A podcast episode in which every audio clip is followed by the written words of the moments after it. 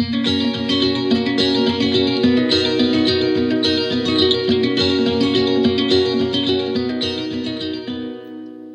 til Danske Bankers, podkasten for deg som vil vite hva som rører seg i markedet fra uke til uke. Mitt navn er Fredrik Ask Stensrud, og med meg som vanlig så har jeg vår sjefstrateg Christian Lie. Velkommen, Christian. Takk for det. Vi skal jo gå gjennom de viktigste sakene som har skjedd denne uken og neste uke. Men som vanlig så tar jeg først litt fakta. Og i dag har jeg funnet ut at vi må snakke litt om de som er venstrehendte. Eh, de venstrehendte de utgjør omtrent 12% av verdens befolkning.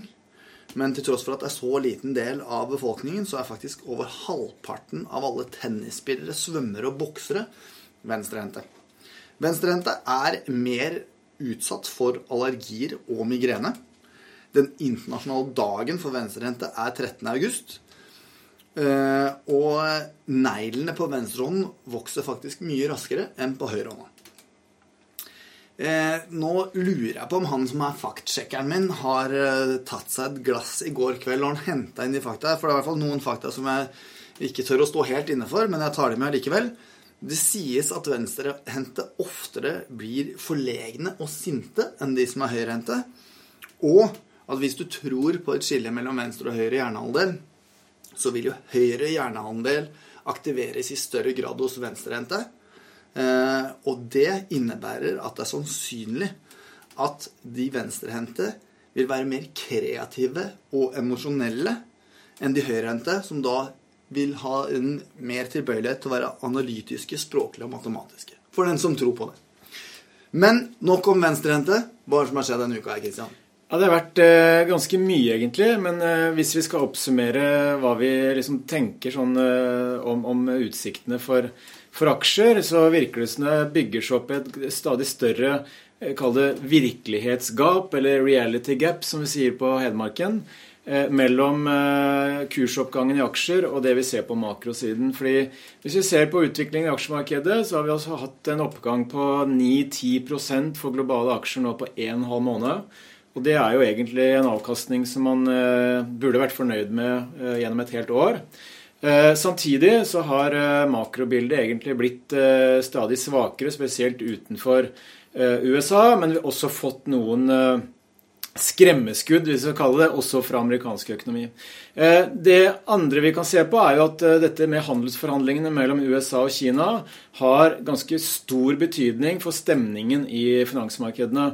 Fordi mye av det som har løftet eh, børsene så langt i år, i tillegg til at vi har sett sentralbanker som blir stadig mer duete, jeg regner med at du vet hva duete betyr? Kanskje ja, du vil oversette det? Det har blitt forklart i en tidligere pod. Faktisk for to podder siden. Ja, det, det, betyr sentralbanker som blir litt mer forsiktige, og som ikke nødvendigvis er så gira på å heve styringsrenten eh, med det første. Så forsiktige sentralbanker har vært en viktig drivkraft, men lyspunkter og utsikter i forhold til en handelsavtale mellom eh, USA og Kina har også vært en viktig drivkraft. Denne uken her så har representanter fra Trump-regjeringen vært i Beijing og snakket med eh, kinesiske representanter. Og de siste nyhetene vi har fått derfra, er at det fortsetter å være en ganske stor avstand mellom partene, spesielt på dette med det amerikanske ønsket om at kineserne skal være villige til å gjennomføre strukturelle reformer i sin økonomi, og bl.a.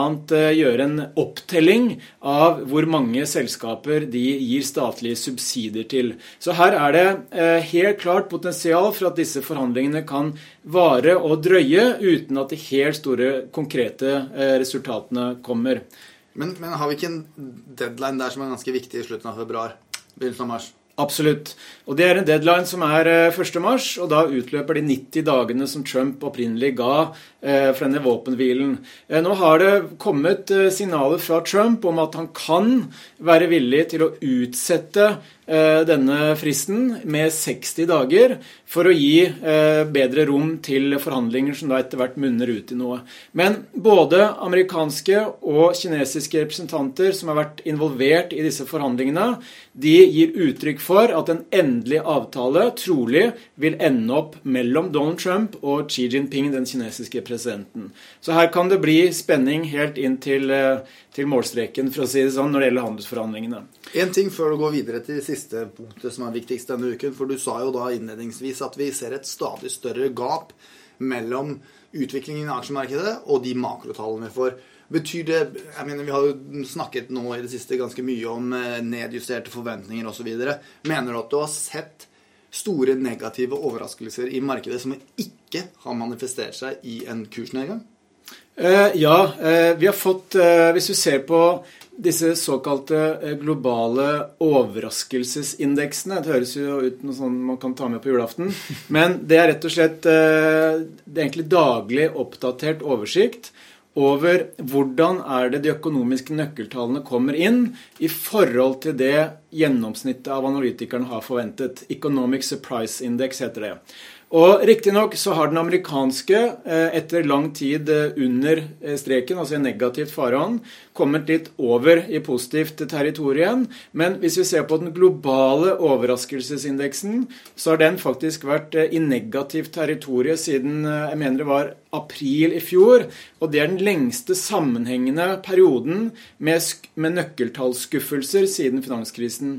Og det vi også skal huske på, er at i denne perioden hvor vi ser stadig svakere nøkkeltall fra spesielt Europa og Kina, så har analytikerne hatt ganske god tid på å nedjustere sine estimater. Så alt annet likt så bør det bli stadig enklere for nøkkeltallene å overraske positivt, men det har det altså ikke gjort. Eh, denne uken her så har vi bl.a. Eh, fått eh, tall for veksten i tysk økonomi i fjerde kvartal. Og det var nullvekst. Altså det ingen, var ingen vekst i tysk økonomi i fjerde kvartal, selv om det er små tegn til bedring i bilindustrien.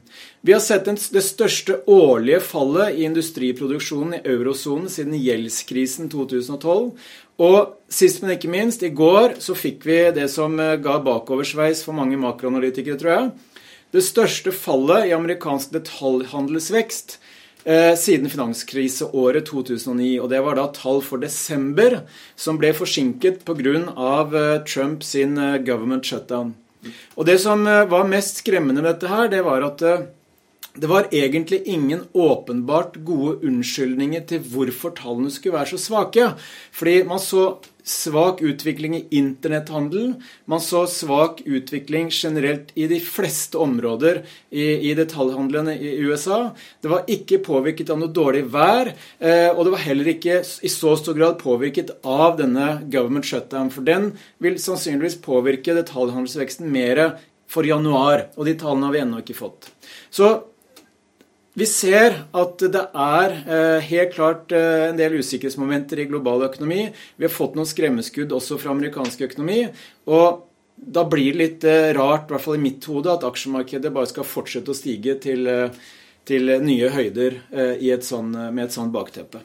Ja, nei, Det her blir spennende å se. Det er jo ikke veldig lystig å høre på deg. Jeg har ikke vært det i det siste, i hvert fall. Så kan man jo gjøre opp sin egen mening hvorvidt dette er prisa inn i markedet nå allerede, og det er derfor vi ikke ser noen negative kursbevegelser. Men det vil tiden vise. Eh, vi skal ikke spå før i slutten av denne sendingen her, så da får vi heller bare la det ligge. Men hva er det som skjer neste uke, Kristian?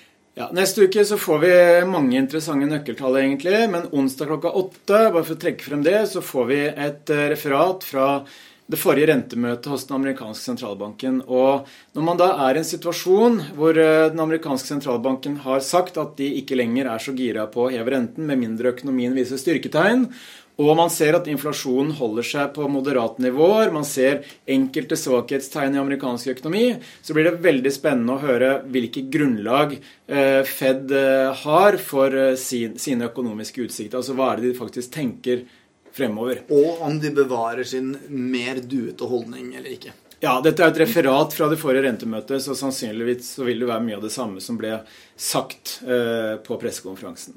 På torsdag så får vi en oppdatert PMI fra eurosonen. Eh, og nok en gang så har vi sett mange ganske veldig skuffende tall fra europeisk økonomi. og Derfor så vil disse oppdaterte PMI-ene eh, være av ekstra stor betydning nå. Torsdag 16.30 så får vi et tall som egentlig normalt ikke er så veldig interessant. og Det er de amerikanske jobless claims. Det er altså hvor mange amerikanere som søker om eh, støtte til arbeidsledighetstiltak. Og Grunnen til at dette er så interessant nå, det er at hvis vi ser på trenden i disse jobless claims i USA de siste fire ukene, så er tendensen faktisk stigende. Og historisk så har en økning i jobless claims eh, vært et lite sånn varsko i forhold til et vendepunkt i økonomien. Ja, og man kan jo også eh, argumentere for at de som følger med på kortsiktige svingninger, så er jo det tallet fra uke til uke faktisk ganske viktig, for det lager ofte utslag i markedet, avhengig av hvordan tallet kommer i forhold til forventningene. Men takk skal du ha, Christian. Jeg skal uh, ta markedsbevegelse siste fem dager og også oppsummere de tre viktigste sakene for neste uke. Men før det så må vi til Aksjeolympiaden 2019. Vi er nå sju uker inn i den.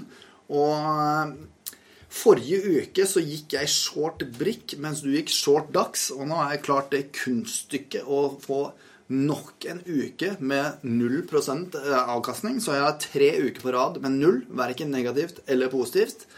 Eh, du eh, gikk på en liten skrell i Dagsen forrige uke og er ned 1,3% på din posisjon. Dvs. Si at status etter syv uker er 0,7% opp på meg fortsatt, og 9,9% opp på deg. Så du ligger jo da godt foran. Og da er spørsmålet hva vil du gjøre neste uke, Kristian? Nei, nå brygger det opp til et politisk rabalder i USA. Eh, med Trump i førersetet nok en gang. Han planlegger jo å erklære unntakstilstand for å få bygget den derre muren sin. Jeg holdt på å si noe. Jeg gjorde det ikke. Eh, og det kan skape litt negativ stemning, eh, tror jeg, så jeg går short i SMP 500. Ja. Det er vel lov? Det er lov. Og du bytta posisjon. Det er bra, Kristian. Nå begynner du å forstå reglene her. Jeg trenger jo større utslag enn deg. Og gitt hva du faktisk har sagt nå om eh, forholdene globalt sett, så vil jeg faktisk shorte Norge. Så jeg går short Norge, du går short SMP 500. Så får vi se om disse short-posisjonene våre som vi har eh, klinger oss fast i nå, faktisk kan gi oss noe avkastning for denne uken. Optimistisk gjeng. Yes. Det her er jo bare spekulasjon. Eh, da tar jeg markedsbevegelse siste fem dager. OECBX opp 0,7% SMP 500 opp 1,5% Eurostox 600 opp 1% og oljeprisen opp 2% De viktigste sakene i neste uke det er et Fed-referat som vi får klokken åtte på onsdag. Vi får PMI-er fra eurosonen på torsdag klokka fire. Og så får vi da Jobless Claims klokken halv fem på torsdag. Det var alt jeg hadde i ukens episode av Danske Bankers. Vi høres.